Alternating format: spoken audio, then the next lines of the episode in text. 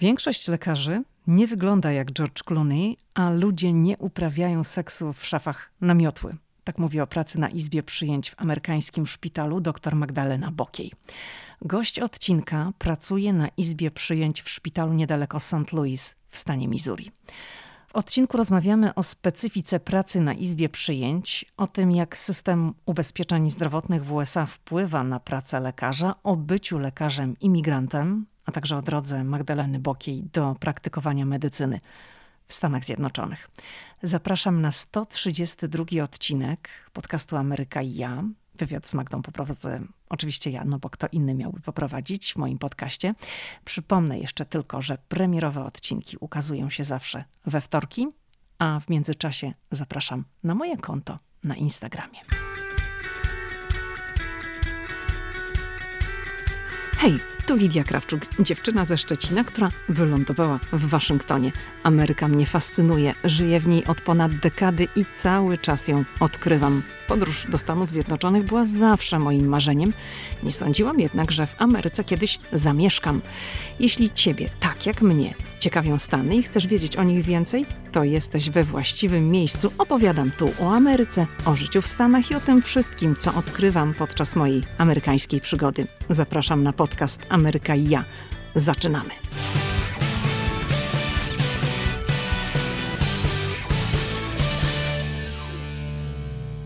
Cześć Magda. Cześć Lidia. Magda, powiedz, czy praca na izbie przyjęć, czyli emergency room w Stanach Zjednoczonych wygląda tak jak w amerykańskich serialach, czyli przystojni lekarze, piękne lekarki, pielęgniarki. Czyli moje pytanie jest takie, jak się ma rzeczywistość serialowa do rzeczywistości w prawdziwym życiu w szpitalu, w takiej rzeczywistości, w której ty na co dzień funkcjonujesz? No oczywiście są mi piękni ludzie, ja sama jestem piękna. No, ale żartuję oczywiście. Seriale medyczne. Wiesz, jak byłam dzieckiem, nie opuściłam żadnego odcinka, na przykład z ER albo e, z drugiego Hausera. To one początkowo po części były inspiracją do, do tego mojego studiowanej medycyny. Rozumiem więc bardzo dobrze zaureczeni nimi. Niemniej jednak e, oczywiście są one trochę przesadzone. Większość facetów, lekarzy nie wygląda jak George Clooney ludzie nie uprawiają seksu w szafach na tłe i nie można być chirurgiem lekarzem na izbie przyjęć w jednej osobie. Jak to bywa na Grey's Anatomy. Nie ma doktorów house'ów, mhm. są zespoły ludzi, którzy zajmują się takimi większymi nieodgadnionymi diagnozami i tak dalej. W sumie troszeczkę jest inaczej. Czy ludzie, którzy trafiają na izbę przyjęć, postrzegają ją trochę przez pryzmat seriali i tego, co zobaczyli na ekranie? Jak uważasz? E, na pewno mhm. E, wielu ludzi przychodzi z celem dowiedzenia się, co z nimi jest nie tak, że tak powiem, co im dolega tak naprawdę, a na izbie przyjęć możemy jedynie się dowiedzieć, to znaczy możemy się dowiedzieć w jakimś stopniu, co, co, co pacjentowi dolega, ale z reguły e, dowiadujemy się tylko o tych chorobach, które zagrażają życiu w tym momencie, więc wiele razy jest tak, że wysyłamy pacjenta do domu bez żadnej takiej konkretnej diagnozy i z referencją do jakiegoś tam specjalisty, nie? Więc e, tak, jest, jest, to, jest to tak. Albo jeżeli niektórzy pacjenci przychodzą z chronicznym bólem i oczekują tego, że, że ten ból odejmiemy całkowicie i od razu, więc to są takie oczekiwania nierealistyczne. Magda, jaka była Twoja droga do pracy w amerykańskim szpitalu, bo ty urodziłaś się i wychowałaś się w Polsce, ale dziś tak. pracujesz w amerykańskim szpitalu. Może od razu powiedzmy gdzie. Tym momencie pracuję w uh, Mercy Hospital South, uh, na, trochę na południe od miasta St. Louis w stanie Missouri. To jest tak pośrodku, pośrodku Stanów Zjednoczonych. A, a moja droga do, do medycyny w Stanach Zjednoczonych no, była i trochę zawikłana Masz rację, urodziłam się w Polsce, w, w Sianowie koło Koszalina, e, blisko Bałtyku. Właściwie Mielno to było orzutem, orzut kamieniem. Trochę moje rewiry, um, bo ja wiesz, jestem zachodniopomorskie Szczecin. No właśnie, no właśnie. um, wyjechałam z domu jak, jak miałam 17 lat. Wychowałam się w, w rodzinie w sumie z takiej klasy robotniczej. Tak po, po prostu zilustrujmy to. Mój tata był ślusarzem, spawaczem, a później konserwatorem na naszym osiedlu. Mama była urzędniczką w lokalnym GS-ie. To takie trochę background o mnie. Jako mała myślałam, że nie mam granic zupełnie, bo rodzice nie chcieli mnie z tego błędu wyprowadzić. I, i, i jakoś tak e, miałam takie swoje własne dziecinne pasje, o których nikt mi nie chciał powiedzieć, że są nie, nierealistyczne, więc e, na własnej skórze musiałam się dowiedzieć, gdzie mam te granice. No ale. A to była medycyna, czy nie? Się... Tak, od dziecka to była medycyna. Ja nawet nie pamiętam, dlaczego chciałam na tą medycynę iść, ale buzia mi się nie zamykała na, na temat tej medycyny i jakoś tak, jakoś tak się stało. Ale wyjechałam na stypendium do szkoły, która się nazywa Red Cross Nordic United World College, czyli Szkoła Zjednoczona Świata Czerwonego Krzyża w Norwegii. A to stypendium zdobyłam po prostu z konkursu zorganizowanego przez Ministerstwo Edukacji w Warszawie i Stowarzyszenie Szkół Zjednoczonego Świata imienia Pawła Czartoryskiego w Warszawie. Który to był rok? Um, to był 2000 chyba złożyłam podanie. Oglądałam 50-15. Pamiętasz ten 50-15? Pewnie, że pamiętam. Program mm -hmm. młodzieży. No, no. Oczywiście. I właśnie e, w 50-15 było to poruszone i e, złożyłam podanie. Ja w ogóle myślałam, że z tego nic nie będzie, ale były trzy etapy i co, co etap przechodziłam do następnej tury. Więc jakoś tak się zdarzyło, że, że wyjechałam do Norwegii, a tych szkół jest teraz mnóstwo. E, jest szkoła właśnie w Stanach Zjednoczonych, w Kanadzie. Nie pamiętam, gdzie jest w, tych, e, w Ameryce Południowej teraz, ale jest w Hongkongu, jest w Japonii, w Niemczech jest jedna teraz, we Włoszech. Jest ich mnóstwo i w tym roku właśnie Szkoły Zjednoczonego Świata zostały nominowane do Nagrody Nobla. Także jestem bardzo, bardzo dumna z tego, że, że byłam tego częścią kiedyś i w sumie też jestem teraz. Powiedziałaś o tej swojej drodze, ale to była droga do Norwegii. To jak się znalazłaś w Stanach? Wiesz, tak naprawdę nigdy nie myślałam, że mogę wrócić do Polski, bo w Norwegii maturę zrobiłam międzynarodową. To było to International Baccalaureate. I w 2003 roku jeszcze były jakieś tam problemy z nostryfikacją tej matury i tak dalej. Moi rodzice tak naprawdę nie wiedzieli o co chodzi, a ci wszyscy doradcy, którzy byli właśnie w tej szkole średniej w Norwegii, wiedzieli tyle tylko, jak się dostać na, na, na uczelnię w Stanach Zjednoczonych, czy, czy na przykład w Wielkiej Brytanii albo w Niemczech. I właściwie w sumie nie było, nie było wyjścia, że tak powiem, i zdecydowałam się iść dalej w tym kierunku, który dawało mi Stowarzyszenie Szkół Zjednoczonego Świata, i to było to stypendium w Stanach Zjednoczonych. Jednym takim ograniczeniem takiego kroku jest może to, że, że absolwenci szkół Zjednoczonego Świata są bardzo poszukiwani przez, tych, przez te wszystkie uniwersytety w Stanach Zjednoczonych i tak mi się wydaje, jest, jeżeli się jest absolwentem tych szkół, jest jednak troszeczkę łatwiej się dostać na te uczelnie i dostać stypendium. Ja nie mówię, że to jest niemożliwe, żeby dostać stypendium tak po prostu ad hoc, jeżeli się złoży podanie i, i tak dalej, ale myślę, że że jest jednak troszeczkę łatwiej, bo są absolwenci poszukiwani przez uczelnię. Czy ty byłaś gotowa na wyjazd do Stanów Zjednoczonych? Czy w ogóle wiedziałaś cokolwiek o Stanach poza takimi, wiesz, informacjami serialowo-internetowymi? Czy te Stany gdzieś tam cię fascynowały, czy po prostu no tak wyszło, że była okazja, żeby kształcić się dalej w Stanach? Pojechałaś i co się okazało na miejscu? Wiesz, czy sceny mi fascynowały, to nie było moje takie obrane miejsce bytu nigdy, um, ale zawsze traktowałam to jako przygodę. Dla mnie nie było ważne to, gdzie, ale po prostu to, że to było inne, że, że nauczę się o, in, o innej kulturze, innych ludziach, że jest taka okazja zdobyć, e, zdobyć edukację i, i, i być w innym kraju i mieć po prostu przygodę. Czy... A czy, czy, zapytałaś mnie, czy ja wiedziałam o co chodzi w Stanach Zjednoczonych? To powiem ci, że nie. Wylądowałam w Bostonie i pamiętam, że wszystko było takie duże i przestronne i zupełnie inne od tego, co sobie wyobrażałam. To było przed atakami, czy już po? To już było po. 2001 był ten atak we mhm. wrześniu, a ja 2003 właśnie poleciałam do Bostonu, żeby zacząć college na Middlebury College w, w stanie Vermont. Czyli na tamtym etapie, jak przyleciałaś studiować, to ty czułaś, że to już jest imigracja, czy po prostu no przyjeżdżam, przylatuję na studia, będę się kształcić, a potem zobaczymy, co się wydarzy? W sumie to drugie, bo czy ja wiem, czy, czy, czy myślałam o tej imigracji?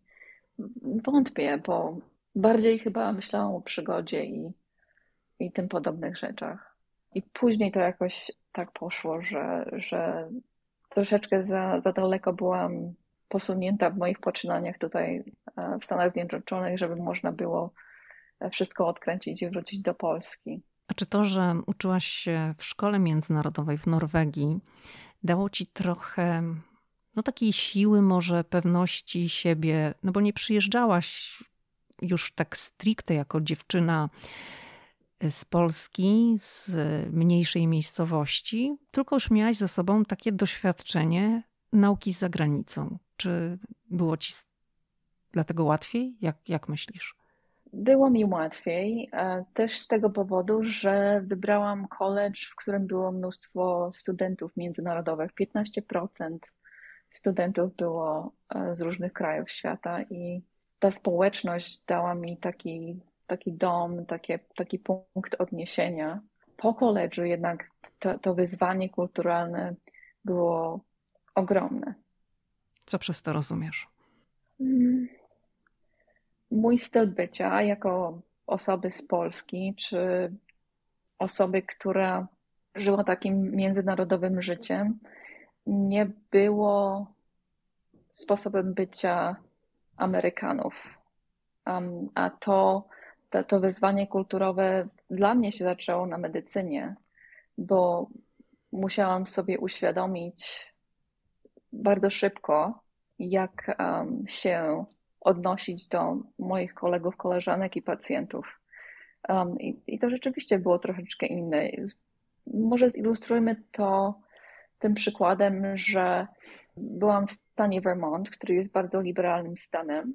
Ludzie są w większości sekularni albo nie mają z tym żadnego problemu.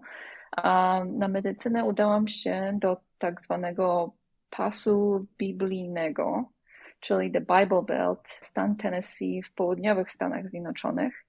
I to była zupełnie inna para kaloszy, bo religia była w centrum wszystkiego. I, I dla mnie to był taki szok kulturowy, na którego w ogóle się nie spodziewałam. Czy oczekiwano od ciebie, że dopasujesz się do tej rzeczywistości, w której przyszło ci studiować? Um, I tak, i nie. E, bo w sumie ja to zawsze postrzegałam jako wybór, więc um, to, ta, ta edukacja medyczna w Stanach Zjednoczonych była taka bardzo tradycyjna. Nie można było się za bardzo wychylać. E, wiesz, e, kobiety miały mieć długie włosy i, i nosić to, co wypada, a nie to, co nie wypada. Miałaś długie włosy? Wiesz, w sumie nie, nie, nie długie włosy, tylko że takie w sumie kobiece, że tak powiem. Mhm. Można było mieć krótkie włosy, ale nie ogoloną głowę, a ja w koledżu miałam ogoloną głowę. Więc dla mnie te, te wszystkie normy kulturowe, e, które ja miałam spełniać, były fantastycznym ograniczeniem. I trochę, trochę to, to mnie nie, nie, nie pasowało, no ale musiałam się dopasować. Nie buntowałaś nie było... się?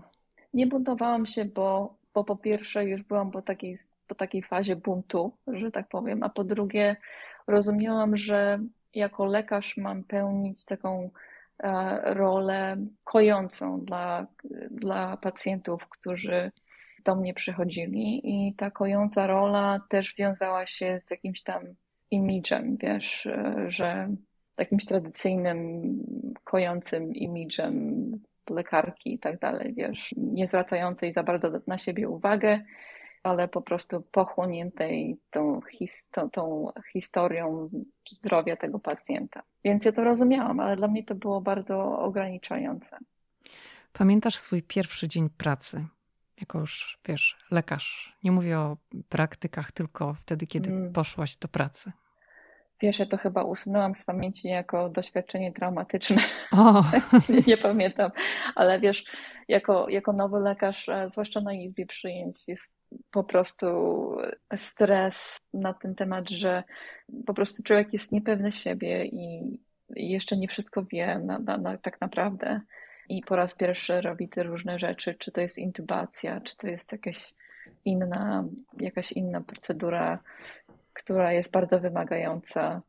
To są jednak rzeczy, których się człowiek obawia, żeby nie popełnić błędu, żeby komuś nie zrobić krzywdy. Um, to jest chyba jedna strona tego medalu, a druga strona tego medalu jest taka, że w szkole medycznej nie uczą cię ani tej biznesowej strony medycyny, ani tej takiej, takiej menedżerskiej strony medycyny, a medycyna to jest w bardzo dużym stopniu zarządzanie ludźmi i rozumienie tego, jak e, funkcjonuje biznes. W 50% tak mi się przynajmniej wydaje, a nikt cię tego nie uczy, więc to była taka, że tak powiem, ostra jazda. Ale czy tobie ta wiedza była znaczy od razu mi się nasuwają dwa pytania. Pierwsze pytanie to jest takie, właśnie jak zapytałam o te początki, to czy gdzieś tam z tyłu głowy taka myśl ci tam świdrowała? Bo to jest, na izbie przyjęć no, trafiają różne przypadki i to są lekarze takiego pierwszego kontaktu, którzy często ratują życie. Czy to było tak, że gdzieś tam w głowie Mówię o tych początkach, tak, no teraz jesteś już doświadczonym lekarzem, ale zaczynasz pracę na izbie przyjęć i czy to jest tak, że o matko, ja źle zrobię i to może mieć bardzo poważne konsekwencje. No, Cudze życie zależy ode mnie. Właśnie. Bardzo, bardzo jest tego człowiek świadomy, zwłaszcza na początku, jak jeszcze nie jest pewien własnych rąk, własnego intelektu na tym polu. Bo po raz pierwszy co się robi samemu, nie ma kogo zapytać. To znaczy są mhm. koledzy, koleżanki z pracy, których się można zapytać, ale w sumie jest się odpowiedzialnym za tego pacjenta i są sytuacje, bardzo dużo sytuacji, w sumie codziennie, w których dużo rzeczy może pójść nie tak. I no i co wtedy? Czy ten, czy stres gdzieś tam, no bo to są takie momenty, ja tak sobie to wyobrażam, że czasami nie ma czasu na konsultowanie się z kimkolwiek, na pytania. No nie ma czasu. Czy, to znaczy teraz to już, to już jest e, w sumie o wiele lepiej z tą, z tą całą pewnością siebie u mnie Jasne. praca mhm. oczywiście, ale e, myślę, mi się wydaje, że jak jest taka potrzeba, to wchodzę w taki trans, jeżeli wiesz o co mi chodzi. Mhm. W sumie nic. Działasz jak automat, nic, tak? Działam jak automat, a, a poza tym jest takie bardzo, bardzo duże skupienie na, na, na, na tym, co robię i jest e, bardzo duży, bardzo dużo jest komunikowania się z tą moją drużyną, że tak powiem, e, przy pacjencie. Robimy co możemy, ale jeżeli nie możemy uratować życia, to niestety musimy się z tym pogodzić. I to może kiedyś było to dla mnie trudne, a teraz to się stało częścią życia i może dlatego mam takie trochę inne podejście do, do, do tragicznych przypadków. Znaczy, jak się zdarzają takie tragiczne przypadki, no bo to są różne przypadki, tak? To może ktoś przyjechać z wypadku, jakieś losowe zdarzenie, coś nieoczekiwanego się dzieje, czy nawet, nie wiem, zawał serca, tak? To mhm. czy lekarze później, mówię o lekarzach w Stanach, tak? Czy lekarze mhm. w Stanach, czy taki każdy przypadek pacjenta, którego nie udaje się uratować, jest jakoś specjalnie analizowany? Raczej nie. Mhm. Um, jesteśmy członkami tych całych drużyn, więc ty, ty jesteś jej przywódcą i masz te wszystkie pielęgniarki technologów i tak dalej. I jeżeli ktoś ma z tym jakimś tam problem, to może, może zgłosić do takiego biura w szpitalu, które popatrzy na ten przypadek, ale jeżeli wszyscy zgadzają się, że, że zrobiono wszystko, co było możliwe dla danego pacjenta, to raczej jest zgoda z tym, że, że tak musiało być. Jednak um, są patologowie, robią uh, sekcję zwłok młodym pacjentom, żeby zobaczyć, co właściwie się stało dzieciom, młodym pacjentom i tak dalej, ale jeżeli jest to osoba starsza, powiedzmy 85 lat i, i nastąpi zgon, to jeżeli nie było żadnego większego problemu, to jest w sumie akceptowane. Magda, powiedziałaś wcześniej, że nie byłaś przygotowana na tą biznesową stronę medycyny. Mhm. Tak, ja się z Tobą zgodzę w dużej mierze, że w Ameryce, zwłaszcza w Ameryce, medycyna to jest bardzo duży biznes i te wielkie stawki za leczenie, bo one są naprawdę astronomiczne. W mojej opinii też wynikają z tego, że muszą utrzymać cały system biurokratyczny, bo on jest e, w przypadku biznesu medycznego rozbuchany w Stanach. Mówię o firmach ubezpieczeniowych. Często taki pojawia się pytanie, że no wiemy, jak nie masz ubezpieczenia w Stanach, to co? I trafiasz na izbę przyjęć. To, to moje takie najprostsze rozumienie jest takie, że nie masz, to nie masz. Lekarze ci uratują życie ale później przyślą ci taki rachunek, no, że możesz się nakryć nogami. Wiesz, i tak i nie. W Stanach Zjednoczonych jest system ubezpieczeń społecznych dla osób starszych i dla inwalidów. Istnieje też taki system dla weteranów, ale jeżeli rzeczywiście, jeżeli nie masz ubezpieczenia, to może się natrafić problem, jeżeli, jeżeli potrzebujesz pomocy doraźnej, czy nawet niedoraźnej.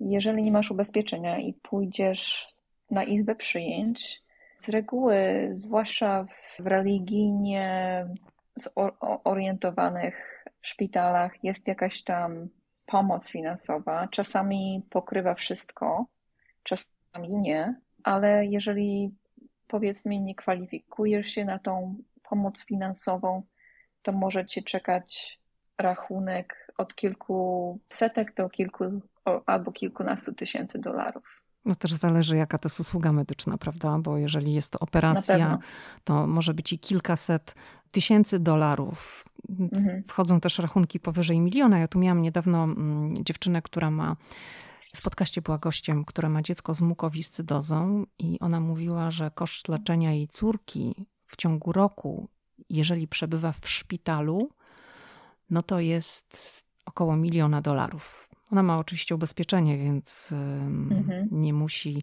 pokrywać tych kosztów, ale te koszta są takie duże. Ty powiedziałaś, że osoby starsze, weterani mają ubezpieczenia. To jest właściwie Medicare. Medicare. Mhm. Medicaid to jest dla inwalidów.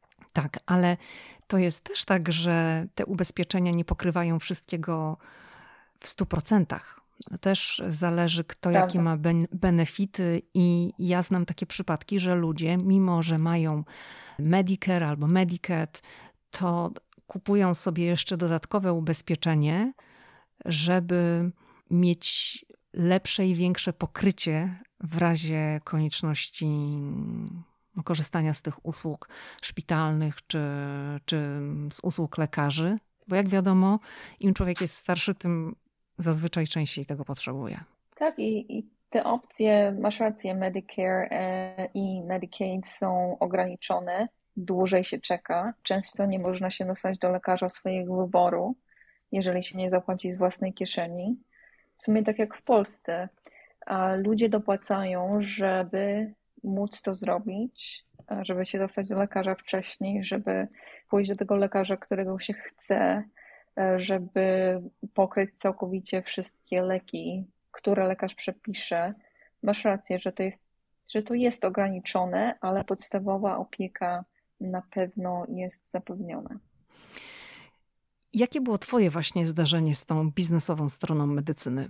Ja jako lekarz na izbie przyjęć, lekarze z, na izbie przyjęć, którzy się specjalizują w medycynie ratowniczej, tak jak ja, często są kontraktorami więc pracujemy na umowę zlecenie i jesteśmy odpowiedzialni za własne finanse, za własne podatki. Prawo otaczające to wszystko jest niesamowicie skomplikowane, więc musiałam mieć własnego prawnika i, i księgowego, żeby to wszystko ogarnąć, czytać przepisy i tak dalej, więc Dla mnie to było mnóstwo informacji w bardzo krótkim czasie, bo na temat tej, tego praktykowania medycyny miałam, um, po prostu było to dla mnie pierwsze takie pojedyncze, osobiste doświadczenie z medycyną. I um, jeszcze niespodziewanie musiałam się dużo nauczyć o biznesie w, o tym samym czasie, więc to była taka jazda bez trzymanki, że tak powiem, przez e, jakieś dwa lata. Czyli rozumiem, że ty w związku z tym, że jesteś kontraktorem, bo dalej jesteś kontraktorem, tak? To nie, też... jestem, nie, jest, nie jestem kontraktorem teraz, teraz, ale byłam. A, byłaś. Ale to powrócę do tego okresu. Czyli jak byłaś kontraktorem, to wtedy musiałaś sobie sama kupić ubezpieczenie zdrowotne na wolnym tak, rynku. Tak, tak, mhm. tak, tak. To jest trochę taki paradoks, prawda? Że jesteś lekarzem, pracujesz mhm. w szpitalu, ale musisz i tak sobie kupić ubezpieczenie na wolnym rynku. Tak. Um, wszystkie te benefity, które przychodzą z, z zatrudnieniem, musiałam sobie sama wymyśleć. To znaczy oszczędzanie na emeryturę i ubezpieczenie, i ubezpieczenie stomatologiczne, i okulistyczne, i, i te wszystkie takie szczegóły, tak musiałam sobie sama zorganizować. Czy to był dla ciebie wtedy szok? Czy to był szok? W sumie nie, ale, mhm. ale rzeczywiście trzeba było na to poświęcić trochę czasu, zwłaszcza na początku. O szpitalu myślimy trochę jako o takiej placówce, która, no wiadomo, wiąże się ze zdrowiem, z ratowaniem życia i z takim podejściem do człowieka.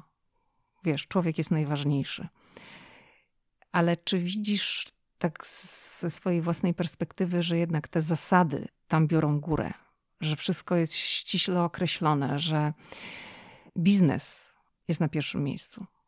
Powiem Ci szczerze, że nigdy tak nie czułam, um, zwłaszcza w moim zawodzie.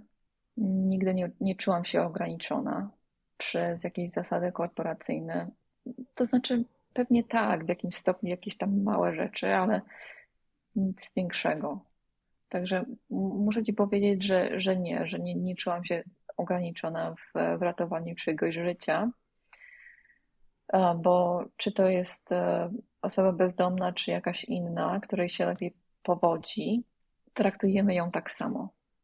I to jest, to jest jeden z bardzo ważnych benefitów tego, że, że, że jako lekarz e, medycyny ratunkowej, bo tak nie jest z innymi specjalizacjami czy innymi miejscami w szpitalu, że, że osobę bez ubezpieczenia traktuje się tak jak osobę z ubezpieczeniem, ale na izbie przyjęć celem jest ratowanie życia, a nie posiadanie czy nieposiadanie ubezpieczenia.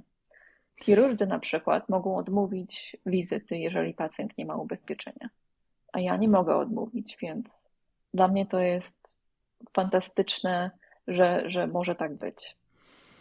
A czy często spotkasz się z takimi sytuacjami? No bo w Stanach tak jest, że jeżeli masz do wykonania jakiś zabieg, to jest jakaś większa rzecz, no to trzeba zadzwonić do firmy ubezpieczeniowej i się dowiedzieć, czy ubezpieczenie pokrywa konkretne zabiegi, w jakim stopniu i ile ty zapłacisz, a ile zapłaci firma ubezpieczeniowa. Czy to w twojej pracy czy ten aspekt pojawia się dosyć często? Czy na izbie przyjęć to, to tego nie ma? W mojej pracy to się nigdy nie pojawia. Na izbie przyjęć, izba przyjęć czy medycyna ratunkowa to jest traktowane troszeczkę inaczej. I ja nigdy nie dzwonię do jakiejś tam firmy ubezpieczeniowej, gdzie mam dwie minuty do zdecydowania, czy to zrobić, czy tego nie zrobić, bo to by było zupełnie niedorzeczne. Więc, więc nie. Um, I to było jeszcze jednym takim bodźcem do tego, żeby być w tej medycynie ratunkowej, że ja nie muszę się martwić o to, czy ktoś ma ubezpieczenie, czy ktoś go nie ma, albo czy jakaś tam firma ubezpieczeniowa mi pozwoli uratować komuś życie, bo to po prostu mnie nie obchodzi. A znasz, chciałam powiedzieć przysłowie, ale to nie jest przysłowie, tak wiesz, teraz może to się troszeczkę zmieniło, bo mm, ten system ubezpieczeń trochę się zmienił. Reforma za czasów Baracka Obamy no, była takim dużym przełomem, ale ja pamiętam, jak ja przyjechałam do Stanów, to był rok 2009, to każdy mówił: Słuchaj, jak nie ma sytuacji zagrażającej życie, to w ogóle nawet nigdy nie jedź do emergency room jakby ci się coś działo. Po prostu nie, bo potem rachunek będzie kolosalny. I zresztą zawsze, jak przychodzi raz w roku taka wielka, gruba książka z firmy ubezpieczeniowej, gdzie są wypisane wszystkie benefity i co jest pokrywane przez ubezpieczenie, co nie jest pokrywane, w jakim stopniu i tak dalej, to zawsze jest bardzo ciężkie do czytania, bo tam jest dużo różnych takich, wiesz, niejasności. To jest wypisany, mm, to są wypisane właśnie koszty, ile będzie wynosiła stawka za dzienny pobyt w szpitalu, ile w przypadku wizyty w emergency room, czyli na izbie przyjęć, ile za wizytę u takiego lekarza, ile u specjalisty. Czy ludzie, jak przyjeżdżają do emergency room, to mają czasami ten strach w oczach, że potem te rachunki będą takie duże? Na pewno niektórzy mają i odmawiają niektórych rzeczy z tego powodu, czy na przykład przyjęcie do szpitala, czy jakieś tam procedury, czy nawet całkowicie wizyty, jeżeli z kogoś, powiedzmy, e, jeżeli ktoś jest pod wpływem alkoholu albo narkotyków i jest nieprzydomny i ambulans przywiezie go do, do, na izbę przyjęć i on odzyska tą przytomność, to ma prawo odmówić leczenia. Zdarza się? Zdarza się, często się zdarza. I to są właśnie finanse powodem? I finanse, i może wstyd w takim przypadku, ale często są finanse powodem. Można odmówić leczenie. Ale samo przekroczenie progu izby przyjęć jeszcze nic nie oznacza, prawda? To znaczy, oznacza to, że będzie się zbadanym przez lekarza tak wstępnie. Jeżeli pacjent jest stabilny i umiejętność decydowania o sobie, e, to może odmówić leczenia. Powiedz Magda, jak wygląda Twój typowy dzień w pracy na izbie przyjęć? Przyjeżdżasz, rozumiem, że to jest praca zmianowa, tak? No bo izba przyjęć działa 24 godziny na dobę, więc Ty też w różnych godzinach się tam pojawiasz, ale rozpoczyna się Twoja zmiana i co? Może Ci powiem o, o tej mojej zmianie jutro.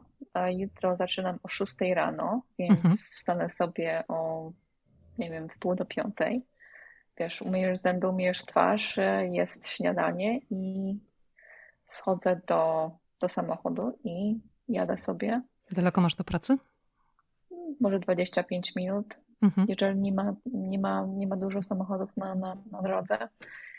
I wtedy wchodzę do szpitala, zakładam tą maskę specjalną teraz, TN95, bo, bo jeszcze mamy pandemię.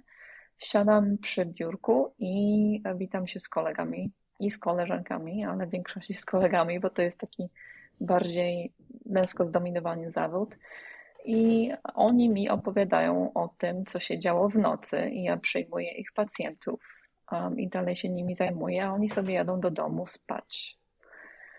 Z reguły ranem jest wielu pacjentów, którzy pozostają z nocy, i, a poza tym, wiesz, miasto się budzi, więc pacjenci się orientują, że mają problemy i przychodzą z reguły moje zmiany, moje dyżury trwają 9 godzin, ale takie, takie jest powiedzenie, że nie można nic planować pod koniec tej swojej zmiany, bo dużo rzeczy się może wydarzyć pod koniec i wtedy trzeba zostać czy godzinę, czy dwie, czy nawet czasami trzy, bardzo rzadko, ale czasami są takie przypadki, że, że człowiek nie może się wcześniej udać do domu. Bo oczywiście nie wiemy, co się stanie, prawda? Mhm. Więc e, podczas takiej dziewięciogodzinnej zmiany z reguły widzę 18 pacjentów. To się waha od powiedzmy 15 do 25. Zależy chyba od dnia, od tego, co się stanie, od tego, czego, co trzeba zrobić i tak dalej. A z reguły jakie to są przypadki? Teraz to jest dużo, dużo duszności, kaszlu i w sumie problemów oddechowych. Czyli są w związku z COVID-em, tak? Mhm.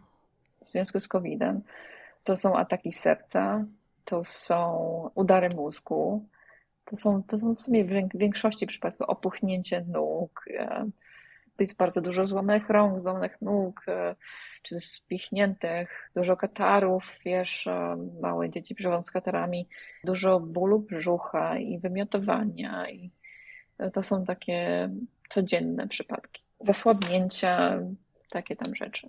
Czy po takiej zmianie dziewięciogodzinnej to następnego dnia przychodzisz do pracy, czy jest jakaś przerwa? W sumie to zależy. Mój harmonogram jest taki bardziej chaotyczny od może takiego e, harmonogramu, który, który mają ludzie, którzy pracują od poniedziałku do piątku, od rana do wieczora. Ja pracuję 15 dni w tygodniu, ale te zmiany są. Jasne, jasne, jasne, jasne, jasne. W miesiącu. Mhm. Pracuję 15 dni w miesiącu. Dziękuję. Te zmiany są o różnych czasach.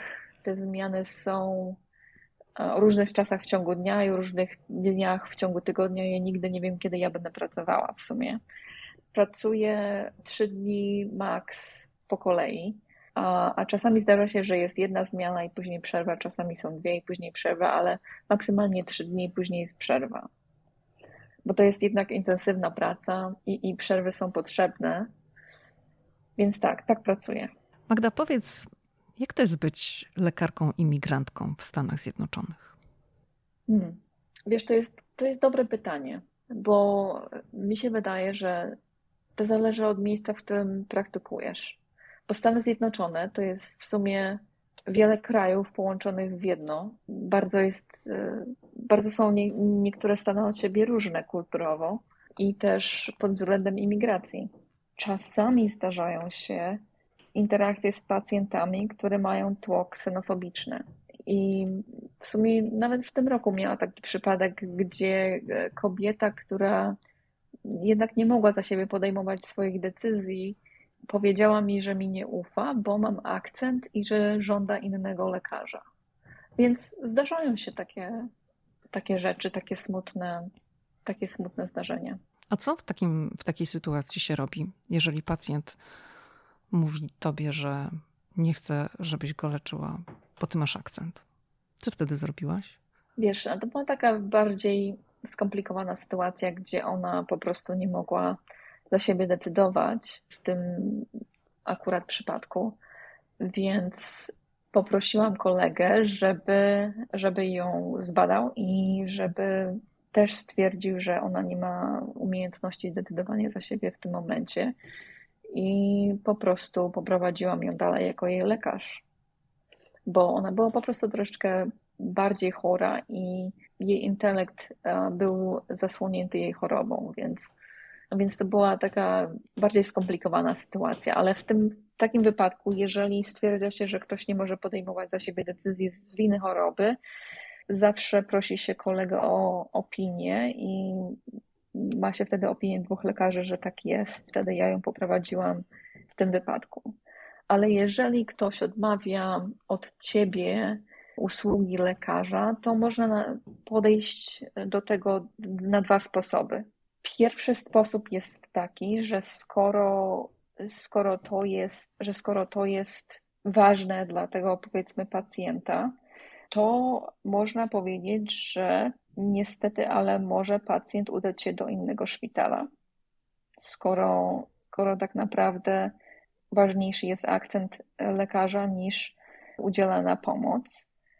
Można to zrobić, można powiedzieć, że nie czuje się, że może się pomóc temu pacjentowi z takiego powodu, jeżeli dyskryminuje na tle e, rasy czy religii, czy płci, czy można odmówić, jeżeli są obelgi pod e, adresem lekarza, czy agresywne zachowanie, można odmówić. Ale moim podejściem jest zawsze to drugie podejście, e, gdzie ten pacjent, jeżeli przychodzi do, na moją izbę przyjęć i jeżeli to jest jego nastawienie, to ja jako lekarz muszę usunąć swoje ego i umożliwić mu, udostępnić mu tą pomoc. Ale z, z reguły, jeżeli jest agresywne zachowanie albo obelgi pod moim um, adresem, z, re, z reguły tego nie, nie toleruję. Jeżeli to jest pacjent, który może za siebie decydować, to nie jest jakiś pacjent z delirium, który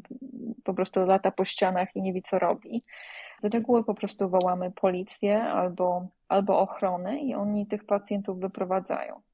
Miałam na, nawet taki przypadek, gdzie ktoś groził mi śmiercią. Powiedział, że mnie zabije, jak, jak będę wchodziła do samochodu, że on na mnie poczeka na, na parkingu. Ale Więc dlaczego? Ludzie przychodzą na izbę przyjęć w takich kryzysowych sytuacjach. I ten przypadek, gdzie starszy człowiek e, groził mi śmiercią, że tak powiem, ja myślę, że to nie było na serio, ale mhm. w sumie człowiek się boi. Bo była po prostu sytuacja rodzinna, gdzie ludzie w rodzinie kłócili się o tego jednego chłopca, a ten właśnie starszy człowiek nie miał praw rodzicielskich do tego, do tego dziecka i musiałam go wyprowadzić z, z izby przyjęć, używając ochrony, bo po prostu nie chciał opuścić pokoju dziecka, a były przeciwko niemu wystawione zarzuty jakiegoś tam, jakiejś tam agresji w stosunku do tego dziecka, więc odchodząc z pokoju zagroził mi, że, że, że pobije mnie, że mnie zabije, jak będę wchodzić do samochodu, więc do samochodu odprowadziła mnie ochrona. A czyli rozumiem, że ten przypadek nie miał związku z Twoim pochodzeniem, z akcentem, który on gdzieś tam usłyszał, tylko to były no, trochę inne okoliczności związane bardziej Zupełnie. z jego tak, sytuacją rodzinną, tak. a nie tak, tak. Z, tym, z tym Twoim pochodzeniem. Bo jak mówiłaś o tym pierwszym przypadku, o tej kobiecie, to mnie od razu nasuwa się na myśl takie jedno słowo, które jest właśnie takim słowem kluczem w Stanach, czyli dyskryminacja. No i tutaj byłaś ewidentnie dyskryminowana. Co nie chodziło o Twoje umiejętności, tylko chodziło o to, że ktoś tam usłyszał, że mówisz z akcentem, tak? Czy... Ale mhm. jak mówię, to jest to, jest to, nie jest to częste. Czy w Twoim szpitalu jest dużo lekarzy, którzy pochodzą z innych krajów, tak jak Ty? Tak, jest. Jest wielu lekarzy, którzy którzy pochodzą z innych krajów, e, zwłaszcza z Chin, z, z Indii i z Europy Wschodniej. I jeżeli z Europy, o Europie Wschodniej mówimy, to e, z Bałkanów w sumie, bo w St. Louis jest dużo ludzi, dużo imigrantów z Bałkanów, bo tutaj przesiedlili tych wszystkich um, ludzi, którzy osiedlili się po, po wojnie na, Balka, na Bałkanach w Stanach Zjednoczonych. Ale to zazwyczaj są takie osadzone, takie bardziej, takie starsze specjalizacje, jak na przykład medycyna, czy gastroenterologia, czy medycyna wewnętrzna, nefrologia albo chirurgia ogólna, bo ratunkowa medycyna jest jednak specjalnością trochę młodszą. Ona została, została utworzona w latach 70. E, tutaj w Stanach Zjednoczonych e, i wielu imigrantów nie ma pojęcia, że to jest E, że to jest specjalizacja. Większość ludzi, którzy praktykują medycynę w Stanach Zjednoczonych, jednak studiowało w swoich krajach i później nostryfikuje dyplom, a w tych krajach nie istnieje specjalizacja medycyny ratunkowej. Więc um, ja jeszcze nie spotkałam osoby, ja mam pewność, że są, e, jeszcze nie spotkałam osoby mojej specjalizacji z innego kraju. Jestem jak na razie jedyną osobą, którą znam ale na pewno jest wiele osób, zwłaszcza na, na tych wybrzeżach wschodnim i zachodnim, gdzie jest więcej imigrantów. Czy to jest taka domena mężczyzn? Czy to jest męski świat? To jest męski świat. Na rezydenturze miałyśmy dwie kobiety z 15. W mojej praktyce jest 20 mężczyzn i 4 kobiety, więc to ilustruje, w jakim stopniu to jest męski świat. Czy czujesz, że jest ci trudniej z tego powodu? Na pewno zaczynać było trudniej, bo wielokrotnie działo się tak, że, że mnie brano za, za pielęgniarkę albo, albo za technologa, albo za wszystko inne niż e, za lekarza. Już niedawno byłam um, lekarzem takiej 90-letniej kobiety, która w sumie wiedziała o co chodzi jeszcze, wiedziała kim jest, jak się nazywa, gdzie jest, jaki to jest rok i o, o co jej chodzi, bo często jest tak, że demencja nie pozwala na to starszej osobie. Um, ale ona upadła po prostu i, i, i przy, przyjechała do, na, na izbę przyjęć i ja się z nią spotkałam podczas jej wizyty trzy razy i jak ją wysyłałam do domu, to mi powiedziała, no tak, ja wiem um, o co tu chodzi, ale ja jeszcze lekarza nie widziałam, więc trochę mi się tak śmiać chciało. I, i pokazałam jej moją, moją wizytówkę, czy jak to się nazywa? Nie Identyfikator, wiem. tak? Taki? Identyfikator, że ja jednak jestem lekarzem, nie jestem mężczyzną, ale już widziała trzy razy lekarza dzisiaj. A takie sytuacje się zdarzają cały czas. Czy ty, Magda, masz czas na inne rzeczy poza medycyną, szpitalem? Czy to jest taki zawód, który no bardzo wymaga tej uwagi, czasu i ten margines na inne rzeczy jest niewielki? Już myślałam, że nikt mnie zapytasz, bo moja praca jako lekarz to jest, to jest część mojego życia, ale jednak tylko część. Mhm. E, I bardzo się z tego cieszę, bo ja jestem osobą, która się interesuje wieloma rzeczami i są, są inne aspekty mojego życia, które, e, które bardzo sobie cenię. A powiesz jakie? Wiesz, mój mąż i ja bardzo lubimy sport, a bardzo lubimy chodzić na siłownię, czy chodzić po górach, czy podróżować. Na pewno to zabiera nam dużo czasu. Lubimy dobre książki, dobre, dobre filmy, spotykamy się z przyjaciółmi, mamy bardzo dobrze rozwinięte, że tak powiem, życie, życie poza, poza pracą. I ja też jestem zaangażowana w, w taką grupę medytacyjną, która się nazywa Pragmatyczna Grupa Medytacji Buddyjskiej tutaj w St. Louis. I niedawno zaczęłam uczyć medytacji i takiego bardziej może psychologicznego podejścia do medytacji i, i życia ogólnie. I jak na razie mi to wychodzi, ale jeszcze nie wiem, czy, czy, czy rozwinę tą, tą pasję moją. Medytuję już od ponad 10 lat i to jest jedna z tych rzeczy, która pozwala mi pracować na izbie przyjęć i, i, i która trzyma ten stres pod, pod kontrolą. A czy twój mąż też jest lekarzem, czy też jest w tej branży medycznej, tak bym powiedziała?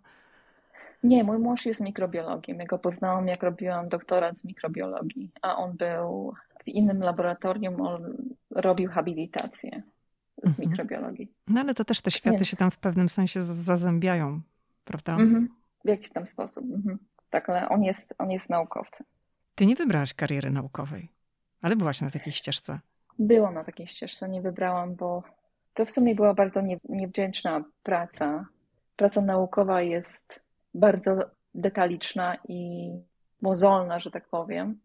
Dla mnie, ja, ja bardziej lubię takie efekty natychmiastowe, że tak powiem, mojej pracy. Ja lubię widzieć, co ja robię i, i, i jaki to ma wpływ na, na moje życie, na, na życie innych.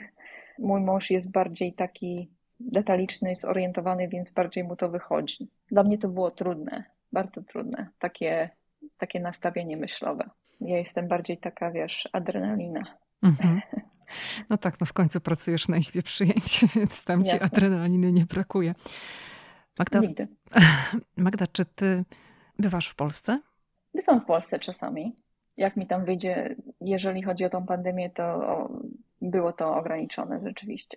A wyobrażasz sobie życie w Polsce teraz? Trudno by mi było praktykować medycynę w Polsce, bo to by się równało z, z, jeszcze jedną rezydenturą, a na to w sumie nie mam ochoty, wiesz, to jest dużo mhm. pracy. Może, ale na pewno nie mogłabym praktykować medycyny. I to jest ten duży minus. A tak na koniec chciałam Cię zapytać, bo no już 20 lat zaraz będzie, jak jesteś w Stanach, tak dobrze sobie mhm. wyliczyłam. Mhm. Czy czujesz, że już przeszłaś na tą drugą stronę, czy ciągle gdzieś tam jest ten rozkrok? Czy ja jestem stąd, czy stamtąd? Wiesz, interesujące, że pytasz, bo w sumie jest. Mhm. Często zastanawiam się, czy. Hmm, trudno mi tam na to pytanie jest odpowiedzieć, bo, bo wyjechałam z Polski, jak byłam młoda, miałam około 17-18 lat. I w sumie dopiero zaczynałam się uczyć o życiu w Polsce. W sumie jeszcze nie wiedziałam, bo nie miałam żadnych dużych obowiązków finansowych um, i nie miałam własnej rodziny i tak dalej, i, i, i nie pracowałam w Polsce. I, Wielu rzeczy nie wiedziałam, a później byłam przez wiele lat w takim międzynarodowym środowisku, gdzie w sumie wszyscy się porozumiewali taką wypadkową swoich kultur. Wiesz, to nie była żadna taka specyficzna kultura. Wszyscy po prostu ze sobą byli tak, jak umieli. I później zdarzyło mi się być na medycynie w Stanach Zjednoczonych i nie być w takim ani polskim, ani międzynarodowym środowisku. Więc tak mi się przynajmniej wydaje, że, że ani stąd, ani stamtąd, a, a może jestem tak z pośrodku. Tak mi się przynajmniej wydaje. To jest. Nie wydaje mi się, że, że, że mam takie jakieś długie korzenie gdziekolwiek. I z tego powodu, że w wielu miejscach a, mieszkałam w Stanach Zjednoczonych na, na emigracji w sumie. A czy twój mąż też jest e, imigrantem, czy jest Amerykaninem? Czy to też ma jakiś tam wpływ? Mój mąż jest Amerykaninem. Mhm. Um, on też w sumie nie wie skąd pochodzi, bo jego rodzina się przeprowadzała bardzo dużo. Jego rodzice teraz mieszkają na przedmieściach Chicago, um, ale on się w sumie wychował w stanie Tennessee, a urodził się w Phoenix w Arizonie. Także on też ma taki, taki stan zachwiania, że tak powiem, nie wie skąd jest w Stanach Zjednoczonych.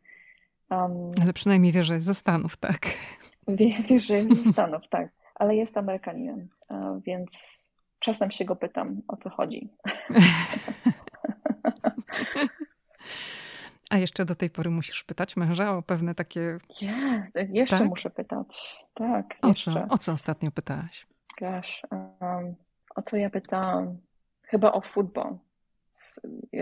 Chodziło o futbol, że to, jaki to mecz, bo wszyscy jakoś w Stanach Zjednoczonych się podekscytowali jakimś tam meczem futbolowym, a ja nie miałam pojęcia o co chodzi. Ja mówię, wiesz, e, Lance, mojego męża imię jest Lance, Lance, o co tutaj chodzi, jakie, jakie, to jest, jaki to jest mecz, o co tutaj chodzi. Okazało się, że to jest e, jak to się nazywa? Super Bowl? Super Bowl. aha, aha, no, no, teraz rozumiem o co to chodzi, więc... No wiesz, no pytasz, zadałeś to pytanie w, taki, w takim momencie, bo my akurat nagrywamy ten odcinek jeszcze przed finałem Super no, Bowl, no, więc teraz to wiadomo, że wszystko się mm, wokół tego kręci. No ale to jesteś w mhm. komfortowej sytuacji, bo jeżeli twój mąż jest Amerykaninem, to no, wiele takich rzeczy związanych z takimi kulturowymi aspektami funkcjonowania Jasne. w Ameryce, to masz, wiesz, porady za darmo. Jeszcze jedna, mhm, jeszcze jedna rzecz mi się nasuwa. On mi wytłumaczył, jak się napiwki daje e, ludziom, którzy parkują twój samochód w hotelu. Jak to się nazywa? Valet parking, tak? Valet parking, yes. Mhm. Więc ja chciałam facetowi dać, uh, dać pieniądze przed zaparkowaniem, a mój mąż powiedział mi, że to dopiero po, po oddaniu ci samochodu dajesz napiwek. Mhm. Więc takie, takie bzdury, takie małe rzeczy. Czy ile tam napiwku się daje, czy komu się napiwek daje, czy na przykład listonoszowi na święta się daje 10 dolarów albo 20 dolarów, albo co. Takie, takie detale, wiesz.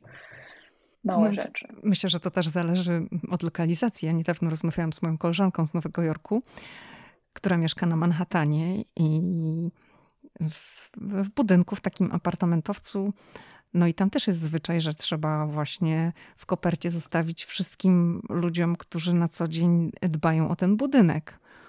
I mhm. moje pytanie było takie, no ale jeżeli nie zostawisz, to co? On mówi, nie, no to będzie przechlapane, bo wiesz, no, przez cały rok potrzebujesz pewnych rzeczy, jak mieszkasz w budynku. Coś ci się tam popsuje, coś nie działa, trzeba coś zgłosić. Mówi, no to jak nie zostawisz koperty, no to już koniec, nie? Czy wiem, może koniec, ale na pewno jest, na pewno jest taka presja społeczna, żeby, mhm. żeby to, to zrobić. Magda Bokej była gościem podcastu Ameryka i ja. Bardzo Ci dziękuję za rozmowę. Ja również.